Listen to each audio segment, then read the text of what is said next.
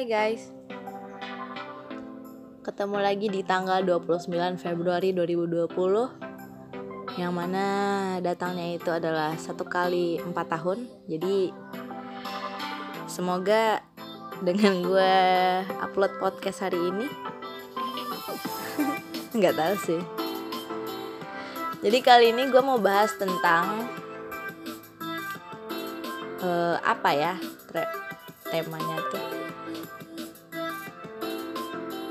trauma jatuh hati kayaknya kesannya kayak apaan sih nih orang? gitu. Tapi emang kayak, gitu ya. Terus gue bikin lagi deh judulnya apaan. Pernah gak sih kalian tuh suka sama orang? Demen sama orang? Situasinya kalian udah berani nih ngungkapin gitu kan? Tapi ternyata respon yang kalian dapat bukan seperti yang kalian ekspektasikan gitu. Ekspektasinya ya tetap ada tetap akan ada ekspektasi yang kayak uh, dia bakal nerima atau enggak. Tapi tentunya semua orang pastinya berharap ke yang baik dong gitu kan. Emang ada yang berharap kayak udahlah semoga dia nolak aja kan nggak ada yang gitu.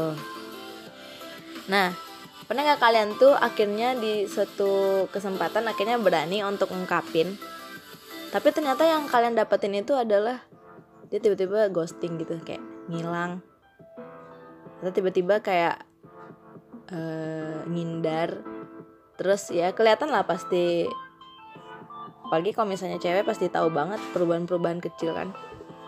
Hmm. nah jadi permasalahannya apa gitu? Permasalahannya adalah kemungkinan besar setelah ngungkapin itu kalian akan trau trauma. Kayak udahlah gue gue bisa besok nggak usah bilang aja lah kalau gue suka gitu. Karena emang beberapa ada yang menganut paham bahwa cewek itu harusnya nunggu. Nggak usah lah repot-repot mikirin cara ngungkapin perasaan. Ya kalau lu yang demen gimana caranya brother? Eh sister. Kalau lu yang demen sama dia mau nggak mau lu harus bilang. Dia bukan cenayang yang biasa tahu lu suka sama dia tanpa bilang gitu loh. Mungkin kalau curhat sama temen lu dia bakal tahu kalau suka sama dia. Tapi mana yang lebih enak kalau misalnya lo tahu sendiri dari orangnya atau dari perantara ya langsung dong. Nah. Permasalahannya adalah sekarang. Apakah setelah kejadian lu ditolak itu dengan dia menghilang itu lo akan trauma atau tidak? Mungkin untuk pengalaman pertama akan sedikit shock ya karena tidak menyangka kan seperti itu uh, respon orang yang lu suka gitu kan. Apalagi cewek nih yang udah mati-matian membangun ke keberanian untuk ungkapin tapi ternyata yang didapatkan malah bukan sesuai dengan yang diharapin gitu. Nah eta kalau misalnya kalian trauma gue tahu sih rasanya. Kayak tapi biasanya trauma itu muncul bukan setelah sekali dua kali kalian ungkapin sih. Setelah berkali-kali dan ternyata yang kalian dapatin responnya 11-12 itu yang kalian evaluasi adalah yang pertama. Apakah cara kalian udah benar atau belum? Yang kedua apakah dia tuh emang tipe yang nerima kalau misalnya ada yang ungkapin ke dia duluan? Kadang sedengernya gue nih ya ada tuh tipe-tipe cowok yang lebih suka kalau misalnya dia aja yang action gitu. Jadi emang ceweknya disuruh nunggu aja gitu ada yang kayak gitu. Atau yang ketiga adalah lu terlalu serius jadi dianya kayak tegang gitu ngerti gak sih? Maksudnya misalnya kalian masih di stage yang jauh banget dari hal-hal yang serius. Misalnya hal serius itu kan misalnya nikah gitu kan. Dan kalian misalnya masih jauh dari kata-kata maksud, maksudnya tuh masih jauh lah dari stage nikah itu gitu. Masih banyak yang harus kalian lalui. Terus lo udah seakan-akan ngajak serius gitu-gitu. Karena cowok tuh jadi kayak apaan sih? gitu. Meskipun dia awalnya suka sama lo bisa jadi tiba-tiba ilfil gitu loh. Ngerti gak sih maksud gue? Nah bisa jadi kayak gitu. Dan masih banyak kemungkinan lainnya yang bisa terjadi dan gue nggak tahu apa sih sebenarnya.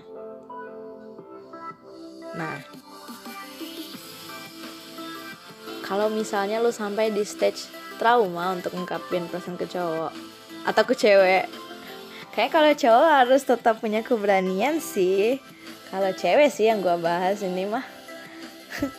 Karena sampai ada orang yang saking bukan saking sih kayak karena dia udah pernah ngungkapin terus akhirnya dia tuh ditolak gitu tuh jatuhnya jadi kayak ya udahlah I'm not belong to anyone kayak gitu kan. Terus kayak dia bukan depresi cuman kayak ya udahlah dia lebih fokus ke hal-hal lain dalam hidup aja gitu. Tapi ya yang kasihannya adalah yang cowok yang mau deketin dia jadi lebih susah gitu loh. Karena dia agak susah percaya sama cowok. Itu juga berlaku sih kalau misalnya lo udah dikecewa, dikecewain berkali-kali sama cowok. Gue pernah dengar tapi ini cerita beneran ya. Ada cewek yang karena mungkin dia itu jadi dia ceritanya pernah uh, ngungkapin perasaan ke cowok. Yang udah dia suka lama gitu sih. Terus nyata ditolak gitu kan ditolak dan dia tuh kayak mungkin trauma ya. Jadi kayak ya udahlah gitu. Dan dia fokus dengan hal-hal lain dalam hidup. Jadi kayak dia fokus kuliah dia fokus nyelesain skripsi nyelesain kuliahnya. Terus selesai satu lanjut S2 dan nggak ada mikirin sama sekali kayak buat nyari cowok atau dideketin cowok. Dia tuh yang benar kayak nutup diri gitu kan. Terus sampai akhirnya S3 dia udah, dia udah selesai S3 bayangin lah berapa usianya gitu kan dan kita sadari atau tidak semakin tinggi kita itu bukan tinggi badan ya semakin tinggi siapa kita itu di mata kita semakin tinggi juga ekspektasi kita terhadap orang lain. Percaya deh. Kalau misalnya lu udah tamat S1 terus pasti pengennya tuh mostly ya pengennya tuh punya pasangan yang kalau nggak setara sama-sama S1 oh nggak S2 atau yang lagi ngambil S2 bukannya apa-apa tapi ini beneran sih kayak coba aja tanya diri lu sendiri. Pasti kayak lebih milih yang setara sama lo atau di atas lo dibandingnya sama di bawah lo gitu. Coba deh makin tinggi kita makin tinggi yang kita inginkan dari orang lain untuk kita gitu. Jadi karena si cewek ini udah sampai S3 tentu yang jadi yang diharapin itu adalah yang setara sama dia yang sama-sama udah S3 yang kebetulan dia keluar di, keluar di, kuliah di luar negeri dan dia pengennya yang TOEFL-nya sama sama dia atau lebih dari dia gitu. Kalau nggak salah TOEFL dia udah mentok nggak sih? Nggak tahu sih gue nah gitu kan nyari yang kayak gitu otomatis kriterianya semakin nambah dong gitu kan. Yang awalnya mungkin pas dulu waktu uh, suka sama cowok cuman kriterianya kayak ya udah yang penting dia cowok dan mau sama gue. Nggak gitu juga sih. Maksudnya kayak yang penting dia tuh masih dalam stage normal lah gitu. Misalnya kayak ya pasti kriteria-kriteria dasar orang-orang kayak normal. Terus emang ada yang mau sama maksudnya ya kayak dia rajin beribadah terus dia baik dia itu patuh ke orang tua sayang sama ibunya sayang sama ayahnya sayang sama adik-adik dan keluarganya. Kayak gitu kan hal-hal yang standar dan itu harus ada kayak gitu-gitu kan. Dan emang sopan anaknya baik rapi kayak gitu kan wajar untuk standar. Nah yang awalnya mungkin sampai situ aja kriterianya karena semakin lama semakin tinggi pendidikannya jadi nambah kriterianya. Harus S3 atau lagi ngambil S3 atau TOEFL-nya segini atau udah mapan gini-gini gitu. Makanya orang-orang tuh kadang mikirnya tuh uh, mending bareng-bareng dari nol berjuang dari nol gitu-gitu. Ada benernya tapi tidak selalu suatu persepsi itu benar gitu. Karena masih banyak pandangan-pandangan lain yang belum tentu seina, senada dengan kamu. Mau bilang seirama sama senada seinada jadinya. Nah jadi kayak sebenarnya gimana ya kayak um, gue pernah sih kayak misalnya suka sama cowok terus dia bilang tapi dia malah tidak sudah ekspektasi. Padahal maksudnya tuh gimana ya? Gue nggak mau ceritain diri sendiri sama lu jadi misalnya tuh misalnya nih ada orang gitu kan dia ngungkapin perasaan ke orang yang dia suka gitu tapi ternyata tidak sudah ekspektasi gitu kan ada sih temen gue yang kayak gitu. Caranya menurut gue udah bener. Maksudnya kayak ya menurut gue sebagai seorang cewek sih gitu kan. Maksudnya dia nggak mepet mepetin si orang yang dia suka. Dia nggak kayak ngedesak gitu. Dan mereka tuh udah lama deket sebenarnya. Tapi mungkin temen gue nih aja merasa di friendzonein sama si temen yang dia suka ini gitu kan. Nah jadinya dianya yang doang yang baper sendiri yang temennya ini enggak gitu loh. Nah makanya si cewek ini berani akhirnya bilang karena mereka tuh udah lama temenan bareng gitu loh. Jadi si ceweknya ini ngira kayak santai kali ya kalau misalnya gue bilang ke dia gitu. Dan kalau misalnya lagi kalau misalnya beruntung bukan beruntung sih kalau misalnya emang ditakdirkan begitu mungkin dia juga suka sama gue karena udah lama temenan bareng gitu-gitu kayak kayak teman tapi menikah gitu kan. Nah meskipun dia mesin dulu gitu. Nah bisa aja kayak gitu. Tapi kan kadang apa yang kita itulah nggak bisa gue ngomong kalau udah ngomongin ekspektasi dan realita nih. Karena yang kita harapin tuh kadang nggak sejalan dengan yang udah ditakdirkan gitu loh.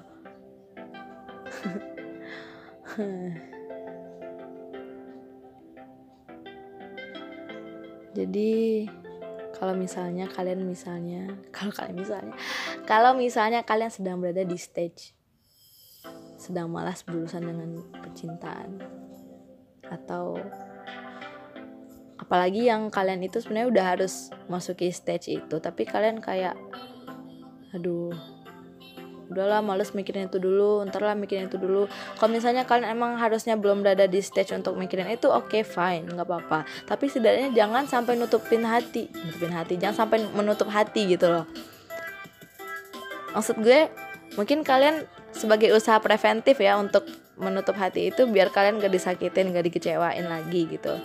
Oke gue menerima itu tapi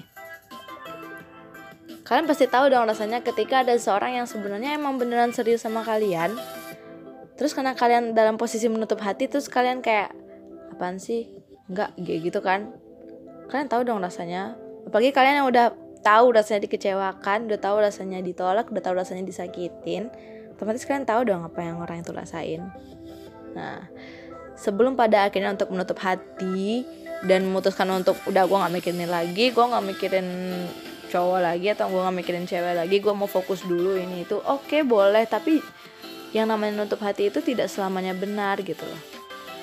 Kalau menutup hati ilmu preventif mungkin kalian bisa dengan kayak misalnya ada cowok yang deketin tapi kalian kayak awalnya biasa dulu nih biasa dulu. Mungkin lu nya aja yang kegeran atau gimana gitu. Jadi kayak ngerasa kayak ya udah biasa aja bodo amat gitu. Nah tapi nanti kalau misalnya akhirnya dia udah menyatakan benar-benar serius tolong jangan ditutup hatinya. Semua orang berhak punya kesempatan untuk diterima. Mungkin awalnya lu dapat pengalaman yang gak enak dari orang lain alias ditolak untuk ngasih tahu diri lu sendiri kalau misalnya lu nya nggak boleh kayak gitu ke orang gitu loh mungkin lu boleh jadi nggak suka sama orang tapi ada cara-cara yang lebih enak untuk disampaikan. Jadi orang itu nggak down gitu. Lah kadang hal-hal yang kita dapetin dalam hidup yang sifatnya menjatuhkan tidak selamanya untuk menjatuhkan. Jadi untuk menaikkan level kita jadi kita tuh udah tahu gitu kita udah kita tuh udah tahu rasanya di posisi itu. Kita udah tahu rasanya digituin. Otomatis kita untuk feedback ke orangnya harus lebih baik gitu loh. Lu disakitin orang feedback yang diharapkan dari lu tuh sebenarnya bukannya lu udah tahu cara orang nyakitin lu dan lu harus mempraktekkan itu balik ke orang bukan gitu. Kalau itu sifatnya negatif kalau misalnya lu dijatin orang otomatis lu tahu rasanya lu udah tahu caranya gimana nyakitin dan yang lu harus kembalikan itu adalah hal-hal baiknya. Gimana caranya lu orang itu nggak ngerasain hal yang sama dengan lu gitu. Misal lu awalnya butuh pertolongan seorang ini. Lu dalam kondisi uh, butuh butuh misalnya lu mau minta tolong sesuatu sama orang gitu kan. Tapi orang ini kayak datang ketika dia butuh doang nih gitu kan. Tiap dia datang ke lu minta tolong lu tolongin. Tiap dia minta bantuan apa pun lu coba untuk usahain gitu kan ketika di suatu ketika ke, lu berada di posisi yang butuh bantuan dan dia tidak ada gitu. Untuk kali pertama mungkin dia memang yang sedang tidak available untuk membantu. Ya kan? Nah, kali kedua lu lihat kayak yang dia bilang sih dia emang lagi nggak bisa bantuin tapi kok kayaknya dia bikin bikin alasan ya kayak gitu misalnya mikir seperti itu atau emang kelihatannya seperti itu ya boleh jadi emangnya dia aja yang datang pas butuh. Atau emang dia aja yang nggak tahu rasa terima kasih kayak gitu kan. Tapi feedback lu ke dia tuh nggak boleh yang kayak oke okay, besok sampai aja lu datengin gua buat minta tolong gak bakal gua dengerin lu. Bukan gitu. Karena lu tahu rasanya ketika lu butuh seorang dan dia tidak ada buat lu lu kan nggak mau jadinya orang tuh ngerasain hal yang sama gitu. Karena itu nggak enak banget rasanya gitu jadi kayak oke okay deh kalau dia emang gitu ke gue nggak apa-apa deh. Akan ada tangan-tangan yang didatangkan Tuhan untuk bantu kita. Kalau misalnya orang lain gak mau bantu gitu. Kok jadi ke sini sih topiknya ya udahlah gitu kan. Kalau misalnya nggak ada satu manusia pun yang Allah datangkan untuk membantu kita. Pasti ada aja ketemu atau kepikiran atau kayak encer aja gitu otaknya untuk mikirin jalan keluar dari masalahnya sendiri gitu. Pada akhirnya orang-orang itu dibantu. Orang-orang itu bisa ngelewatin stage-stage dalam hidupnya bisa mencapai checkpoint-checkpoint yang dia punya tuh. Kalau nggak diperantarai kalau nggak dibantu Tuhan lewat perantara manusia dia lewat dirinya sendiri gitu. Maksudnya kayak ya dikasih tahu aja caranya dari lewat lewat pikiran gitu. Jadi yang kayak feedback itu ke orang nggak ada guna juga kalau misalnya lu balikin tetap feedback yang negatif ke orang gitu. Feedback negatif. Ya gitu maksud gue. Nah kembali lagi untuk yang trauma tadi suka sama orang. Boleh jadi kalian nggak mau lagi untuk nyoba mengutarakan duluan perasaan itu? Boleh jadi tapi kalau misalnya ada yang datang, jangan dibuang ke laut kunci pintunya. Kunci pintunya disimpan. Kalau misalnya ada yang datang dan serius, ya dibuka. Semua orang punya kesempatan. Oke, okay? semua orang punya kesempatan. Bahkan ada yang bilang semua orang berhak punya kesempatan kedua. Masa kesempatan pertama aja nggak dapet, gimana mau yang kedua kan? Tapi nggak semua orang sih mau ngasih kesempatan kedua kan itu tadi.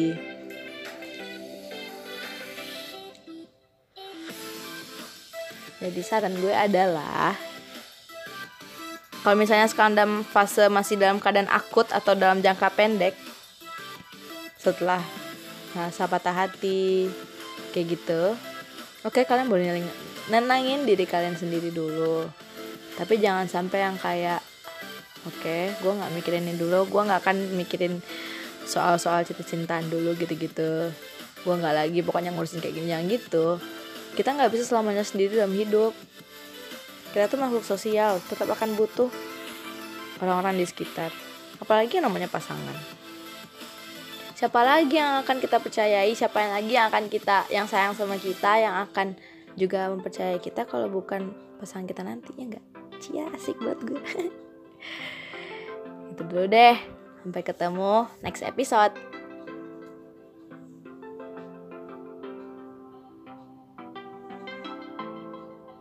Goodbye.